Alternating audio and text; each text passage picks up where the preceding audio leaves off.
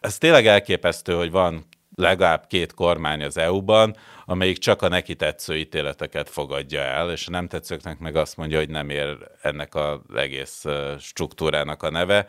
Ebből, ebből nagyon nehéz lesz kijönni nem a két országnak, hanem magának az Európai Uniónak.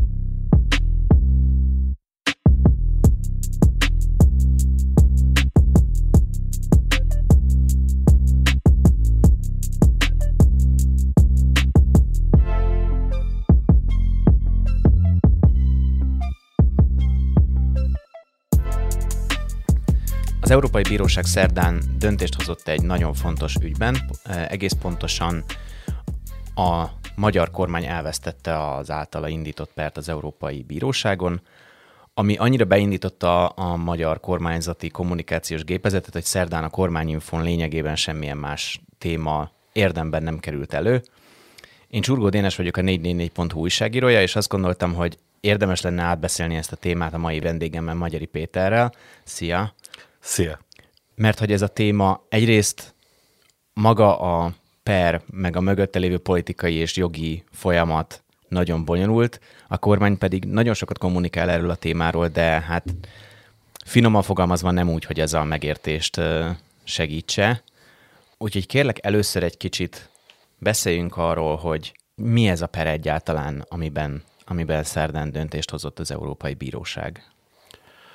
A pert tavaly márciusban Magyarország és Lengyelország kormánya indította az Európai Tanács és az Európai Parlament ellen. A per ö, tárgya az volt, hogy ez a két kormány, tehát a magyar és a lengyel kormány azt állították, hogy a 2020. december végén elfogadott úgynevezett feltételességi mechanizmusról szóló rendelet, az szembe megy az EU-s alapszerződésekkel, vagyis törvénytelenül fogadták el, és törvénytelen dolgok vannak benne. A perben a túloldalon a EU-s intézmények védelmébe beavatkozóként megjelent számos európai kormány, a német, a finn, a holland, az ír, a francia, és még több másik is, most fejből ennyi jut eszembe, tehát ez a két tömb érvelt egymással szemben az EU bíróságán, és ugye tét az volt, hogy ez az úgynevezett feltételességi mechanizmus, ezt legálisan fogadták -e el, és a tartalma az egybevágja az EU-s törvényekkel.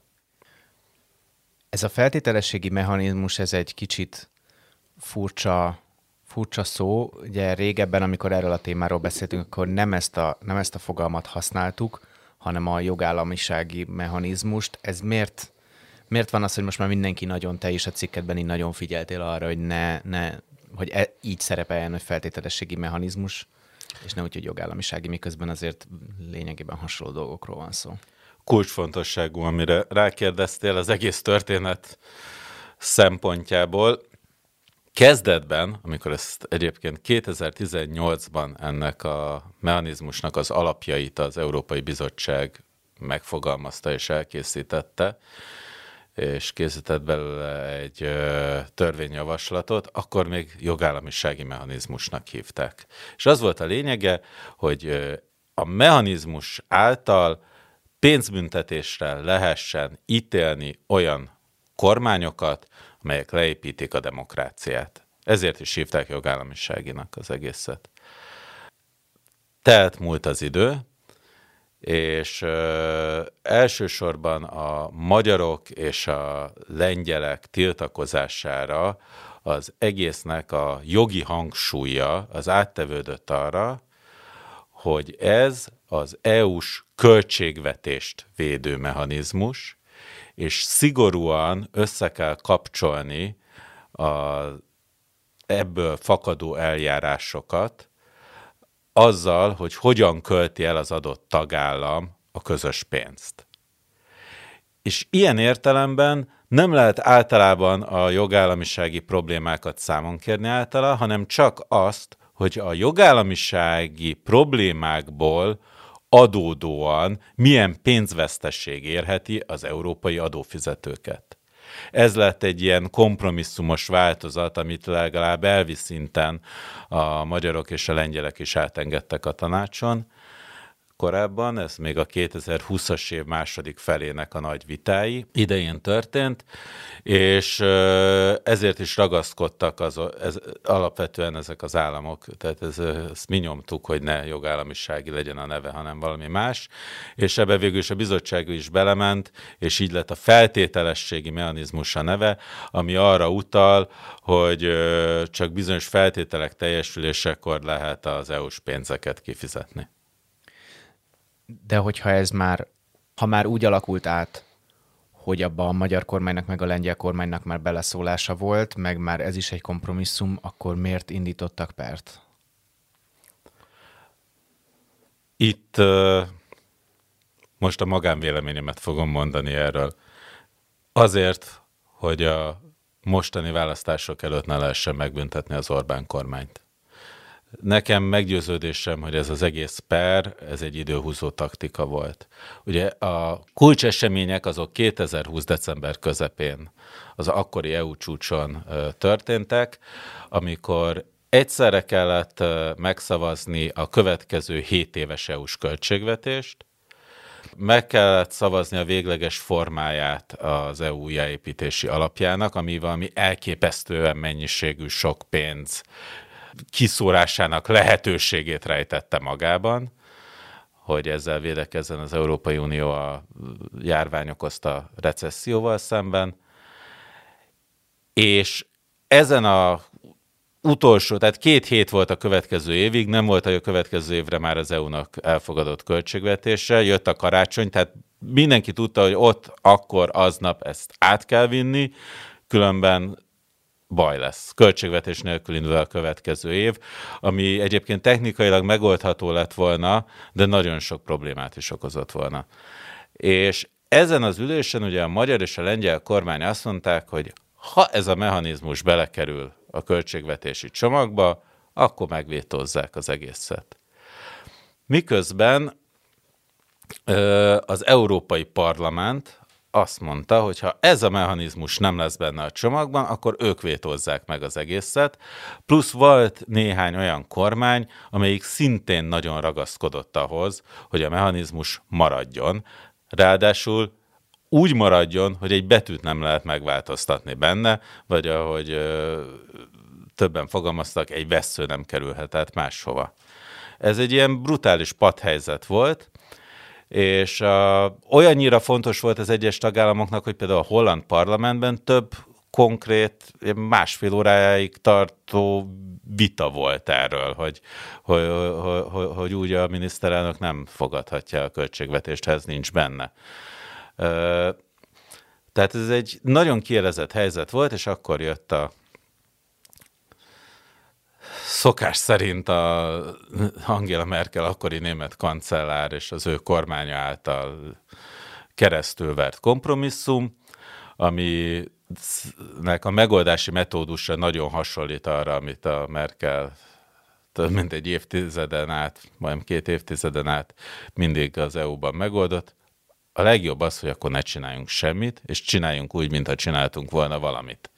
És ez a kompromisszum lett az, hogy oké, okay, elfogadjuk a költségvetést, elfogadjuk a mentőcsomagot, belerakjuk ezt a mechanizmust is, de megállapodunk arról, hogy a mechanizmust egyelőre nem használjuk.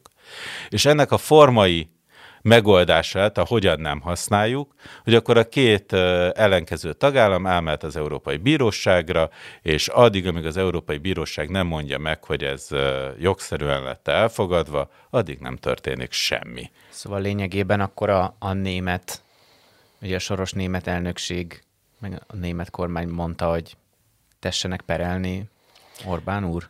Ez, ezt így túlzás lenne ilyen magabiztosan kijelenteni, de hát az alkut ezt nekik kellett összehozni, és hogy pontosan ez hogyan történt Budapest, Varsó és Berlin között, ezt nyilván nagyon sokáig nem fog egészen pontosan kiderülni, és voltak az alkunak egyébként más fontos pontja is, de ez volt talán a legfontosabb, ami egyben egy garanciát adott arra, hogy itt a választások előtti időszakban nem fog büntetni az Európai Unió.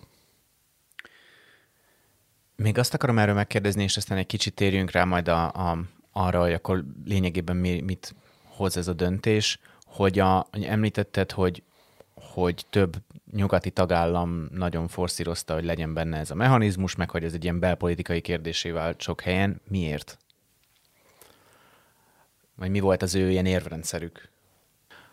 Ugye, akiknek ez nagyon izgalmas volt, és fontos volt politikailag, azok, azok a tagállamok, amelyek nettó befizetői az uniónak, tehát több pénzt raknak be a közös költségvetésbe, mint amennyit ki tudnak venni, és ezek a viszonylag kisebb országok. Mert mondjuk Németország az, az egész hatalmas gazdasága, az sokkal átéltebben profitál magából az EU működéséből, mint ahogy ezekben a kisebb, nagy befizető tagállamokban a közvélemény ezt átéli. Hollandia, Ausztria, Svédország, Finnország, Dánia alapvetően ők voltak talán a leghangosabbak ebben az ügyben, akiknél ez egy komoly belpolitikai téma, és az EU ellenes, vagy EU szkeptikus, vagy most már EU kritikusnak kell mondani, pártoknak egy állandó választási kampány témája az, hogy mi nyomjuk be a pénzt, aztán az meg eltűnik. Ezzel szemben úgy tudnak a politikai vezetők hatékonyan védekezni, azt mondják, hogy hát mi nagyon is utána megyünk, hogy mi történik ezzel a pénzzel. És azzal, hogy leginkább Magyarország esetében az EU-s pénzeket érintő korrupció beszivárgott a mainstream sajtóba Nyugat-Európában az utóbbi években. Ez egy jó ütközési pont lett, egy jól kommunikálható helyzet, hogy oké, okay, akkor mi most megfogjuk ezt a keleti kényúrt, aki stadiont épít a saját kertjébe. Most leegyszerűsítve mondom, hogy ez hogy jön át a nyugati sajtóba és a nyugati közvéleménybe, aki Oroszországgal, meg ilyen furcsa isztánokkal, meg a törökökkel haverkodik, aki illiberalizmust hirdet, akinél nincs sajtószabadság, és egyébként is nagyon durva és ízléstelen dolgok történnek, és még homofób is. Mindezeket egymásra építve, ez egy jól kommunikálható gesztus volt, hogy akkor akkor, akkor mi csak akkor adunk pénzt, hogyha lesz egy új eszköz, amivel lehet uh, ellenőrizni, és akár el is lehet venni ezt a pénzt hogyha nem jól használják fel. De akkor ez csak egy ilyen pontosító kérdés, hogy akkor nem is csak az ilyen nyugati, úgymond liberális pártoktól, vagy ilyen balosabb pártoktól jön ez a fajta nyomás, hogy mondtad, hogy ugye ez ott az eurokritikusoknak is egy veszőparipája, hogy így elveszik ez a pénz, vagy, vagy ennek mi az ilyen politikai összetétele? Ugye ez majd a kormány, a magyar kormány narratívájának az elemzése szempontjából ez érdekes. Nagyon érdekes a kérdés. Alapvetően, tehát a, a, a néppárt, ami ugye mégiscsak a legnagyobb jobboldali pártszövetség, az végig nagyon határozottan támogatta ezt az eszközt, és a mai napig ö, támogatja és részt vesz minden ezt forszírozó ö, szavazáson, ö, aláírásgyűjtésen, akármin. Tehát ilyen értelemben a jobb oldal is nyomta ezt, illetve a tehát Nyugat-Európában a liberális pártok között vannak karakteresen inkább jobboldali pártok is, és ők is szintén nyomták. Azok a mondjuk az, hogy EU-kritikus pártok, amiket szokás volt jó ideig a szélső jobbhoz is sorolni, most már lassan kezdenek kicsit polgárjogot nyerni Európában, mint hogy ők az új jobboldal, azok ellenezték ezt a mechanizmust, de nem azon az alapon, hogy hadd lopjon a keleti jönkény úr, hanem azon az alapon, hogy minden olyan ö, eszköz, ami az európai központi intézményekben lehetőséget ad a nemzetállami kormányok ö, szivatására, az ellenük van. Akkor beszéljünk egy kicsit arról, hogy, hogy mit mond erről a magyar kormány. Ugye Varga Judit szerdán oda ment a kormányinfó legelejére, elmondott egy nagyon rövid megírt szöveget, amiben egyszer szerepelt a jogállamiság szó, és nagyon sokszor a gyermekvédelmi törvény, és a végén elmondta így a összefoglalóját, hogy ez a döntés nem a jogállamiságról, hanem a gyermekvédelmi törvényről szól, majd elviharzott, mielőtt kérdéseket lehetett volna neki föltenni ez mennyire, mennyire, mennyire tudjuk így fact ezt, a, ezt az állítást. Ugye Gulyás Gergely aztán kicsit jobban kifejtette, hogy lényegében a, az ilyen EU-s pénzek elosztásáról szóló, meg a helyreállítási alapról szóló, meg ilyen tárgyalások jól haladtak a magyar kormány és az Európai Unió között, aztán elfogadták a gyermekvédelmi törvényt, eh, hogy mint ugye valaha a pedofil törvénynek hívtak, és aztán akkor, akkor így befékeztek a tárgyalások, és ez egyértelműen azt jelenti, hogy itt okokozati összefüggés van. Hát ez egy nagyon izgalmas kérdés, és azért nehéz tényszerűen beszélni róla, mert a valóság sokkal bonyolultabb, és ez sokkal jobban hangzik, és ez sokkal könnyebb kommunikálni, hogy itt arról van szó, hogy magyar kormány meg akarja védeni a magyar gyerekeket a nem átalakító műtétektől, és ez brüsszeli bürokratáknak nagyon nem tetszik, és ebből van az összes baj. Én egyébként hajlamos vagyok azt gondolni, hogy az egész pedofil törvény módosítása és az egész nem váltó történet felhabosítása pontosan azért történt a magyar kormány részéről, hogy legyen mivel hivatkozni, hogy miért nem ad az EU pénzt. Szóval én szerintem ez megfordítva történtek inkább ezek az események, de az biztos, hogy formailag a két sztorinak nincs köze egymáshoz.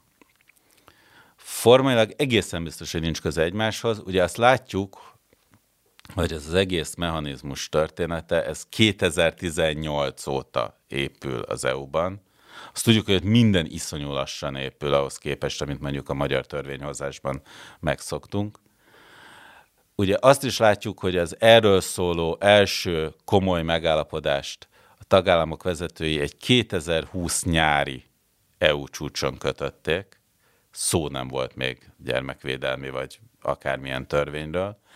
Azt is láttuk, hogy erről a nagy viták azok a 2020 decemberi EU csúcson történtek, akkor se volt még ilyesmiről szó. Tehát e, ilyen értelemben okokozati összefüggést találni elég erőltetetnek tűnik. Ha azt mondja a magyar kormány, hogy a bíróság azért engedett át egy amúgy törvénytelenül elfogadott EU-s határozatot, mert így akart visszavágni a gyermekvédelmi törvényel szemben Magyarországon, hát ez azt jelenti, hogy azt állítja a magyar kormány, hogy az Európai Unió bírósága az egy csalókból, szélhámosokból, politikai kalandorokból álló testület. Hát, ha ezt nem is állítja, de azt Varga Judit például mondta az e- ebben a kis előkészített beszédében, hogy az Európai Bíróság ez egy politikai aktorrá vált, és hogy egy ilyen politikai, politikai döntés született. Ez sokszor elhangzott, és aztán próbálták újságírók kiprovokálni Golyás Gergőből, hogy mondjon arról valamit, hogy akkor most egy független és, és hogy mondjam, egy ilyen tiszteletben tartható döntéseket hozó intézménye a bíróság, erre aztán nem nagyon mondott semmit, de hogy van, egy ilyen állítás van.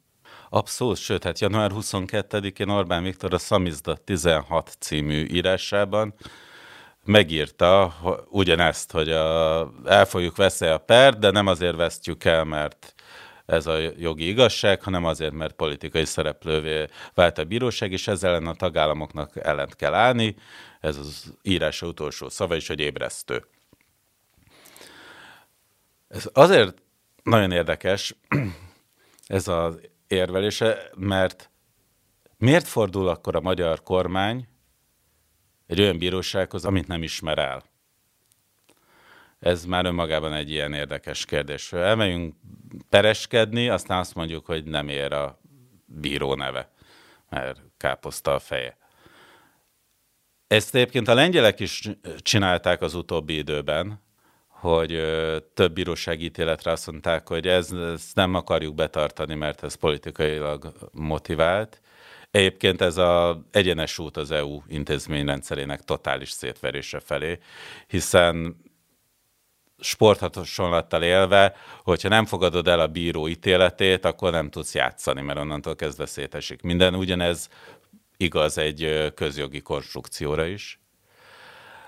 És az is baromi érdekes, hogy miközben a lengyelek bizonyos ítéleteknél azt mondják, hogy ez nem ér, a közben nekik egyébként vannak megnyert pereik.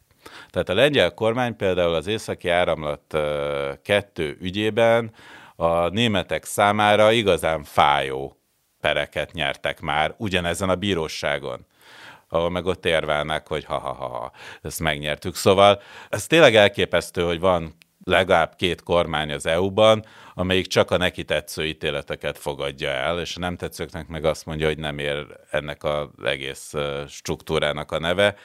Ebből, ebből nagyon nehéz lesz kijönni nem a két országnak, hanem magának az Európai Uniónak. Tehát ugye a Fidesz azt kommunikálta konkrétan a, a bírósági döntés után, vagy abban az volt, hogy Brüsszel perelte be Magyarországot, miközben ez ugye fordítva van. Ezt csak gondoltam, hogy érdemes tisztázni.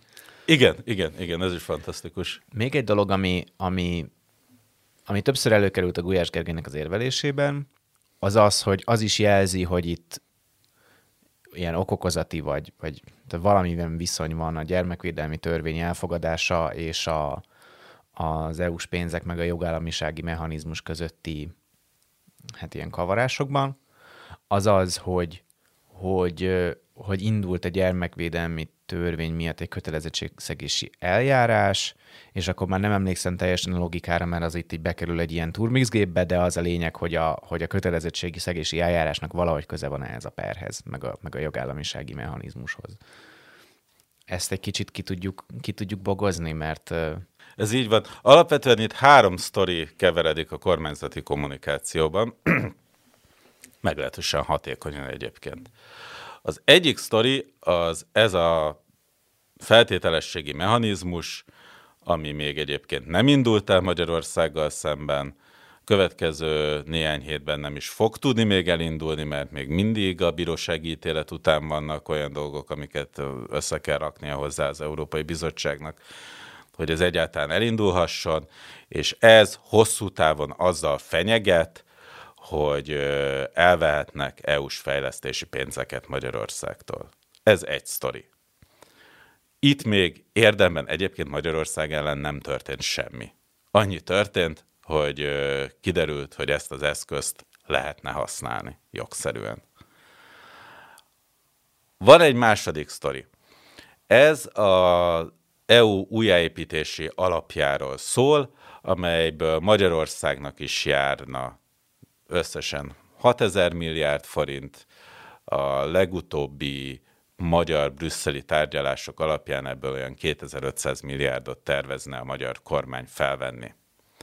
Ennek a pénznek az első részét már uh, tavaly nyár közepén, nyár végén, őszelején el lehetett volna utalni a normál menetrend szerint Magyarország felé. Azonban eddig egy fillér sem érkezett, mert az Európai Bizottság nem találta megfelelőnek a magyar pénzköltési tervet. Ennek nincs köze az előbb említett mechanizmushoz, ez egy tök másik sztori. Itt ö, azzal érvel a bizottság, hogy amikor a pénz felszabadításáról döntöttek az Európai Tanácsban, akkor meghatároztak bizonyos feltételrendszereket, hogy ezt a pénzt milyen célokra és hogyan lehet elkölteni. Ebbe benne van egy csomó minden olyan, hogy digitális fejlesztésekre, klímavédelemre például baromi sokat kell belőle költeni, és benne van az is, hogy átláthatóan és hatékonyan kell ezt elkölteni, és ez utóbbival van a bizottságnak a legnagyobb problémája. Azt mondja, hogy a magyar közbeszerzési rendszer alkalmatlan arra, hogy ezt megfelelően lehessen kezelni. Ezért nem jön onnan pénz. Ezt egy csomó hivatalos EU-s dokumentum, és egyébként a bizottság elnökének Ursula von der Leyennek írott nyilatkozata is megerősíti, hogy ez emiatt történik. Viszont nagyjából egy időben kezdte el azt a bizottság kommunikálni, hogy a magyar tervet nem fogadja el, azzal, hogy a gyermekvédelmi törvényt elfogadta a parlament, a budapesti. És innen lehet összekötni, és ez a mi volt előbb tyúk vagy tojás, amiről az előbb beszéltem, az pontosan ezért gondolom, hogy, hogy pont azért rakta bele a magyar parlament e a problémás részeket ebbe a törvénybe, hogy tudjon mivel érvelni. Minket nem a korrupciós kockázat miatt szivatnak Brüsszelből, hanem mert védjük a gyerekeket. Ez egy nem véletlen szerintem, hogy ezeket a problémás passzusokat a gyermekvédelmi törvénybe utólag tették bele. Már rég tárgyalta a parlament illetékes bizottsága a törvényt, amikor képviselői módosítókon keresztül ezeket belehegeztették. Már úgy volt, hogy az ellenzék is elfogadja ezek nélkül az egész törvényt. Tehát, tehát itt van egy ilyen időbeli akármi, egy, egy, egy időbeli együttállás, csak nem biztos, hogy a hogy, hogy pont a, az a ok-okozati rendszer, amit a Gulyás mond, és nem fordítva van. Tehát van ez a második sztori, hogy nem kapunk a újjáépítési alapból pénzt, alapvetően a közbeszerzési problémák miatt. És itt egyébként megint könnyű összekavarni mindent, mert a feltételességi mechanizmusban előkerülő lehetséges problémák között is ott van a magyar közbeszerzési probléma, de ez akkor is egy tök másik jogi úton menő történet. És van a harmadik történet, a kötelezettségszegési eljárás a törvényel szemben.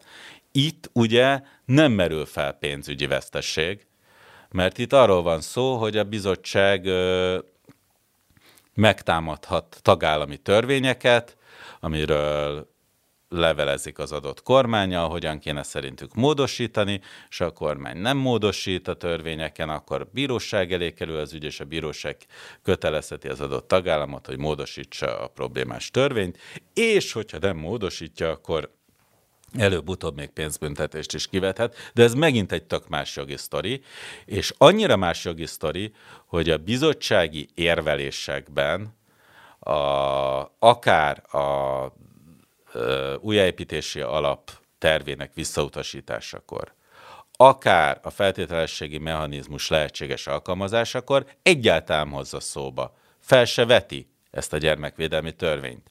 De hogy még egy, egy kicsit bonyolultabb legyen a dolog, kommunikációs szinten, politikai nyilatkozatok szintjén, akár az európai parlamenti képviselők, akár a tanácsban a magyar kormány illiberális programjával szemben erősen kritikus vezetők, azok viszont összekötik a kettőt, mert ők is így tudják elmagyarázni például a saját uh, nyugati közönségüknek, hogy miért van baj az Orbán rezsimmel. Mert ez homofób is.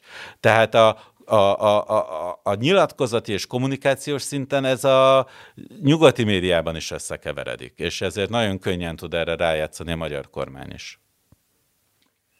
Gulyás Gergely azt is mondta szerdán, hogy ha majd elindulna egy ilyen, ilyen eljárás, abban valójában Magyarországnak igazából nincsen félnivalója, mert ezt ő is elismerte, hogy maga ez az eljárás, amiről a bíróság döntött, az kifejezetten csak a pénzek elkötéséről szól, és erről meg már amúgy is leveleznek, és a magyar pénzköltést így is úgy is sokkal jobban ellenőrzik, mint bármelyik másikat, és igazából ennek már így megfelelünk. Voltak ilyen problémák, nem tudom, hogy ő is említette, hogy, hogy egy ilyen téma van, amiben egy kicsit igazat is adnak a bizottságnak, hogy túl sok az egy, egy ajánlatkérős közbeszerzés, de ezt majd radikálisan csökkentik, vagy ezt már elhatározták, és hogy am- amúgy emiatt így Magyarország egy forintot nem fog veszíteni, mert hogy ezekkel minden rendben van. Ez mennyire felel meg a valóságnak, és mennyire, mennyire igaz arról a fajta kommunikációról, ami a, ami a bizottság és a magyar kormány között ezekről a témákról amúgy zajlik. Ez részben igaz. Valóban például ez a téma, ez hangsúlyosan előjön a kormány és a bizottság levelezésében a közbeszerzési problémákkal kapcsolatban. És azért nagyon nehéz itt megmondani, hogy pontosan mi lesz, és mennyiben válik be Gulyásnak ez ezzel kapcsolatos jóslata, mert még mindig nem tudjuk pontosan, hogy amikor elindítana egy ilyen eljárást a bizottság, ezt a feltételességi mechanizmus szerinti eljárást, akkor mennyiben kapcsolhatja össze a pénzvesztességet a jogállamiságot érintő általános problémákkal. Maga a rendelet szerint összekapcsolhatja. Vagyis ez azt jelenti, hogy itt nem elég iszonyú jól lepapírozni a magyar pályázatokat, ahogy ez egyébként évek óta történik, és ami miatt egy csomó mindenben nem tudott a kapizottsági ellenőrök belekötni. Ezt elég jól megoldja a magyar államigazgatás, hogy még a gyanús közbeszerzések is nagyon szépen le vannak papírozva, és formailag rendben vannak.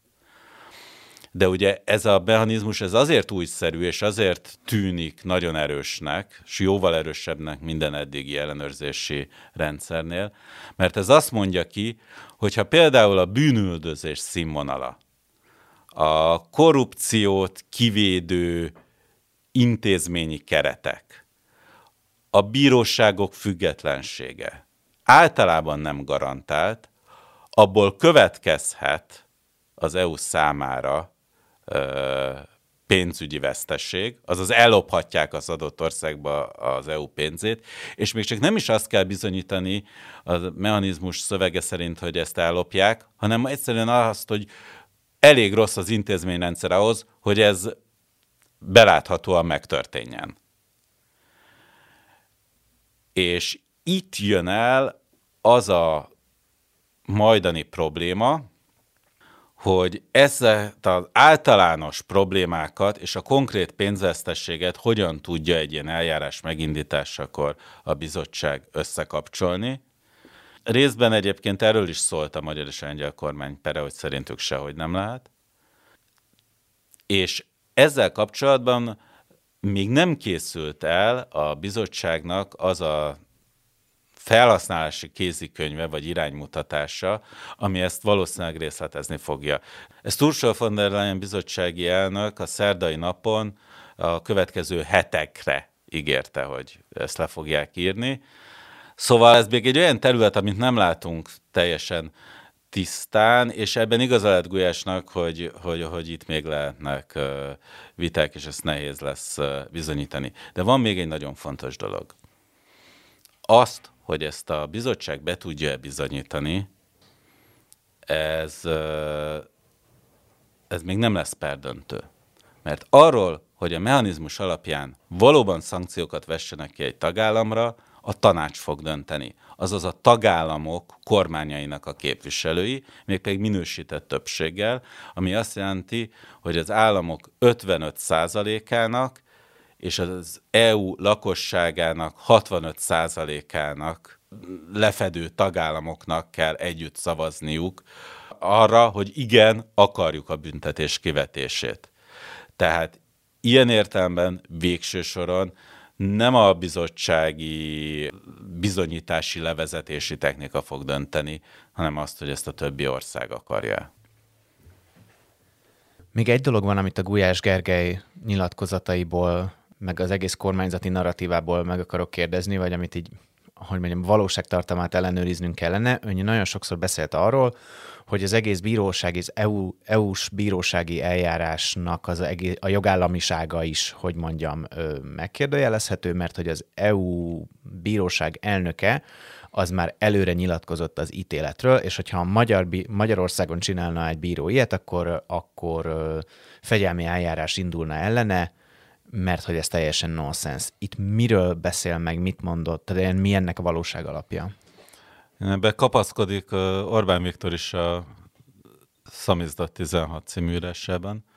Itt arról van szó, hogy az Európai Bíróság elnökével készült egy interjú közelmúltban, ahol rákérdeztek erre a perre is, és azt mondta róla, hogy ez az egyik legfontosabb per, ami most jelenleg zajlik, és azért ennyire fontos, mert alapvetően meghatározhatja az európai integráció jövőjét.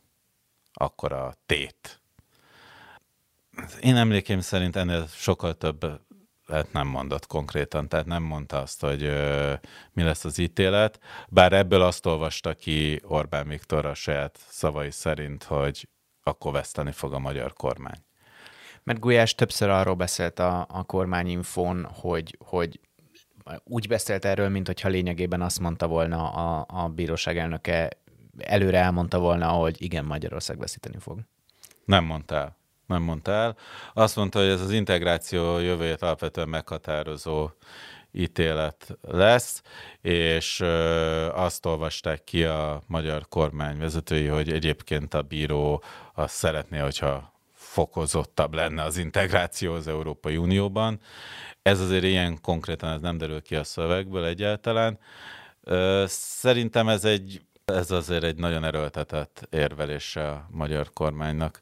Az biztos, hogy a bíróság ezt tök komolyan vette valóban. Hát ez volt az első olyan ítélet, amit online videostreamen közvetítettek, és a bíróság elnöke magyarul olvasta fel az ítéletet. Érdemes visszahallgatni, kicsit hasonlít, mint amikor a pápák magyarul miséznek.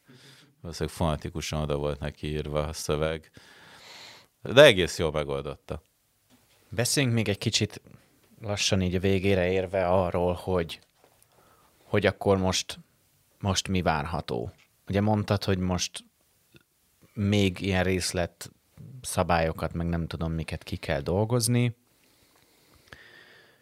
Egyrészt te írtál arról, hogy szerinted mikor lehet először egyáltalán, hogy elindítanak egy ilyen, egy ilyen eljárást. Illetve még azt akartam megkérdezni, hogy ugye még ez is egy ilyen tisztázó dolog, ami, hogy még jobban összekutyuljuk ezt az egészet, hogy ugye volt az Európai Bizottság meg a magyar kormány között már egy levelezés ilyen különböző problémákról. Ennek mi köze van ez az, ez az egész folyamathoz? Igen, Hát formailag majdnem úgy néz ki, mintha ezt az eljárást már elindították volna Magyarországgal szemben, de valójában nem indították el. Itt, és akkor először válaszolok a kérdés első felére, és utána abból következően válik érthetővé, hogy ez hogy van.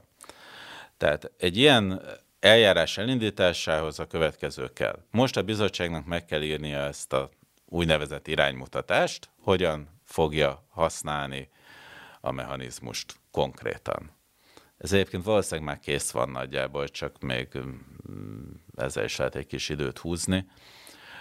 Másrészt meg át kell nézniük azért a bíróság 180 oldalas döntését, nincsenek ebben benne olyan szempontok, amik esetleg nem jutottak még az eszükbe, és fontos lehet. Ezután, hogyha a bizottság úgy látja, hogy valamelyik országban a jogállamiság helyzete veszélyezteti az EU költségvetését, annak a kormánynak ír egy levelet, és beleírja, hogy mik a problémák. Innentől kezdve a dolog kicsit hasonlít a kötelezettségszegési eljárásra, ott is egy ilyen levelezéssel indul minden. Akkor a kormánynak erre egy és három hónap között van ideje válaszolni, akkor erre a bizottság írhat egy új levelet, hogy mi győzte meg és mi nem győzte meg, ha nem győzte meg, akkor megint vár egy választ. És ha ezután is a bizottság úgy látja, hogy a problémák fennállnak, és a levélben megfogalmazott dolgok nem a megoldás irányába haladnak, akkor összeírja a bűnlajstromot, feljelentést a bizottság, és ezt megküldi a tanácsnak. A tanácsban a tagállamok ezt egy hónapig vizsgálhatják, és utána szavazniuk kell arról, hogy ö, legyen ebből büntetés vagy ne, és arról is, hogy mekkora legyen a büntetés, tehát hogy mennyi pénzt fagyasszanak be. És ekkor még mindig van a megtámadott tagállamnak egy időhúzó útvonala, mert mondhatja azt, hogy kéri, hogy az Európai Tanács, tehát a miniszterelnökök és elnökök csúcs találkozója vegye napirendre a problémát.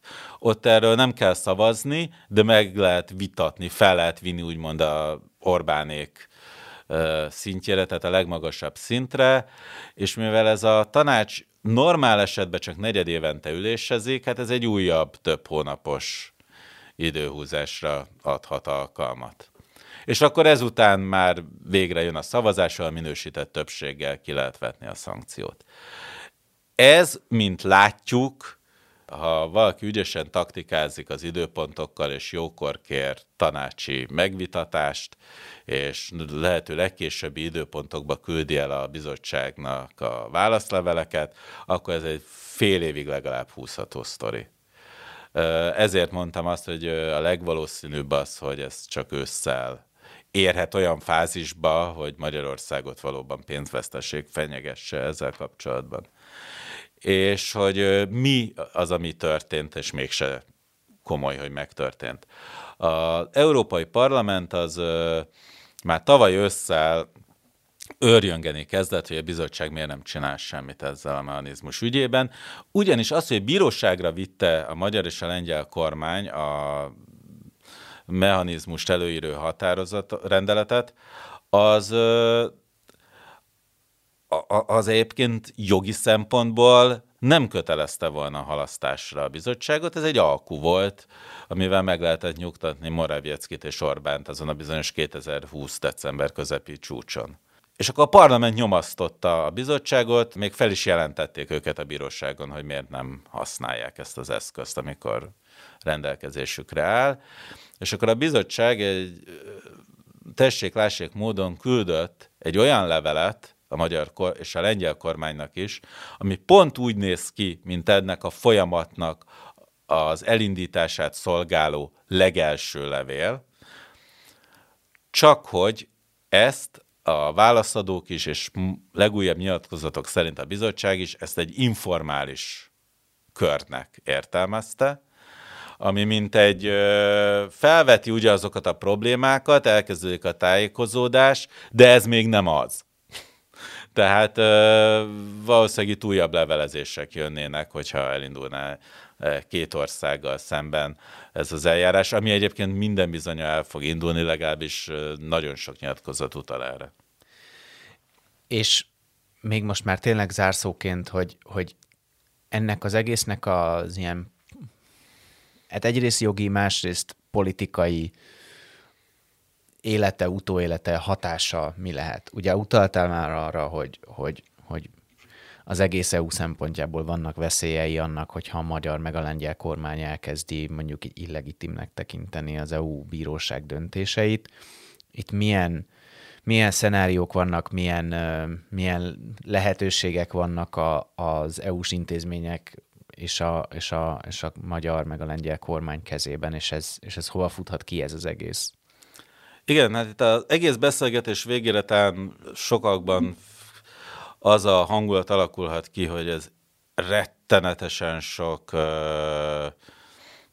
intézkedés, fontoskodás, papírgyártása lényegében a semmiért. És... Nekem mindenképpen ez a, ez a véleményem alakult ki.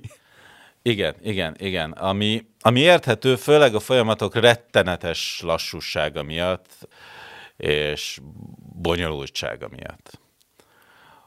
Ugyanakkor, hogyha ezt ezért nagyon nagy távlatban nézzük, akkor itt mégiscsak van egy iránya a dolgoknak, hiszen a legelső probléma felvetés arról, hogy valamilyen büntetőeszközt ki kell találnia az Európai Uniónak a demokráciát megsértő tagállamokkal szemben, az körülbelül olyan 2013-ban kezdődött akkor kezdtek el először erről koncepciókat gyártani egyáltalán. Ahhoz képest, igen, kilenc évvel később eljutottunk egy olyan szintre, hogy van egy olyan eszköz, amiről most már a bíróság is rányomta a pecsétet, hogy igen, ez legális. Egyáltalán volt egyszerű ez a dolog, mert az EU-t nem erre találták ki.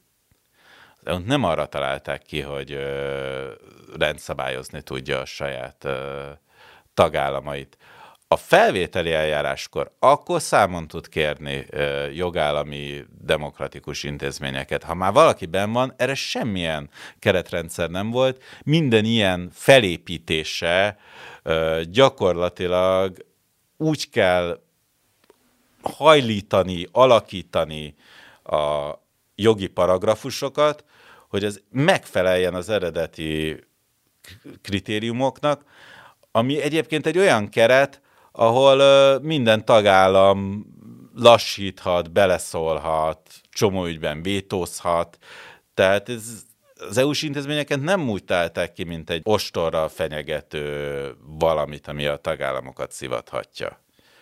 Ilyen értelemben ez, ez egy tök nehéz és nem várt dolog, amiből valami mégiscsak kialakult. És azt is tegyük hozzá, hogy az EU-s logika és gondolkodásmód rendszere az, hogy oké, okay, vannak büntető mechanizmusok, egy más területeken is, de sohasem az a cél, hogy ezeket alkalmazni kelljen. Az már egy válságtünete az EU-nak, hogyha, hogyha büntetnie kell.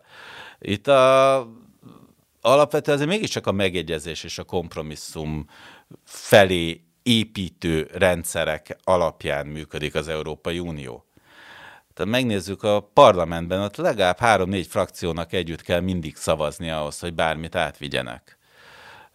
A tanácsban azért a legtöbb kérdésben 27 országnak valahogy egyetértésre kell jutnia. Tehát ez nem, nem arra találták ki az egész rendszert, hogy szívassuk egymást, hanem arra, hogy akkor ezt akkor beszéljük át még egyszer. És ilyen értelemben azért valamit lehet, hogy el lehet majd. Tehát, tehát nem tudjuk pontosan, hogy, hogy, hogy, hogy, hogy, hogy mikor és mennyit sikerül ezeken a háttértárgyalásokon egyébként elérni, és miben sikerül megfékezni akár a magyar kormányt ezekkel a félig puha nyomásgyakorlásokkal. Harmadrészt itt azért irgalmatlanul sok pénzről van szó. Az a pénz, ami az EU-tól áramlik a magyar költségvetésbe most már nagyon sok éve, az tényleg számít. Tényleg számít abban, hogy itt volt egy komoly gazdasági növekedés mondjuk 13-19 között. Tényleg nagyon fontos, és ennek az esetleges elvágása azért szintén komoly dolog. Tehát nem véletlen az, hogy erre az Orbánék ráépítettek egy nem váltó népszavazást. Itt a tét óriási, és, és az, hogy ezek lassan és megfontolva kerülnek hetnek a szankciók bevezetésére, az pontosan azt szolgálja, hogyha ekkora tét van, akkor, akkor adjunk mindig időt a kompromisszumra. Mert az EU-nak nagyon rosszat tesz a ha, ha, ha a belső feszültségek elkezdik szétverni. És akkor itt még gyorsan válaszolva a kérdés második felére. Igen, a magyaroknak és a lengyeleknek vannak eszközeik arra, hogy rombolják az egész intézményrendszert. Megcsinálják azt, hogy mostantól kezdve mindent megvétóznak a tanácsba, és egy béna kacsává válik az egész szervezet. Mondhatják azt, hogy akkor kimondatják az alkotmánybíróságaikkal még egyszer, még keményebben, hogy a luxemburgi EU bíróság nekünk nem királyunk.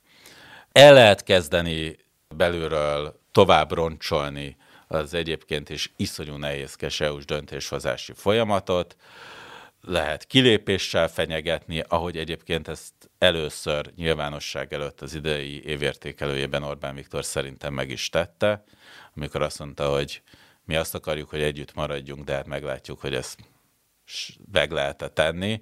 Tehát ez a tipikus milyen szép kis Európai Unió nehogy összedőljön típusú megközelítés volt.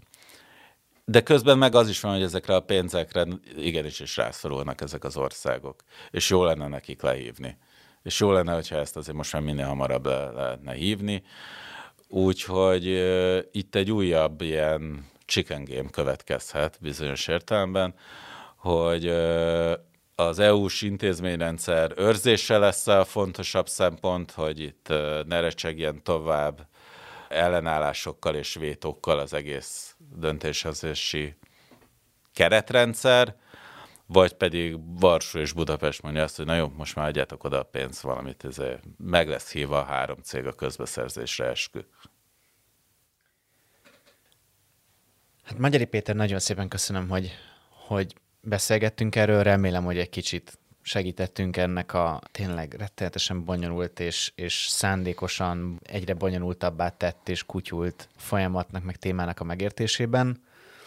És nyilván még, még nagyon sok szó lesz erről, ugye ez, ez látszott a, a magyar kormány reakciójából is, hogy, hogy erről nagyon, nagyon sokat fogunk még beszélgetni, úgyhogy Úgyhogy kedves hallgatók, majd olvassátok az erről szóló cikkeinket, meg biztos talán még lesz erről podcast, meg videó, meg mindenféle, úgyhogy köszönöm szépen, hogy itt voltatok, és lépjetek be a körbe. Sziasztok! Sziasztok!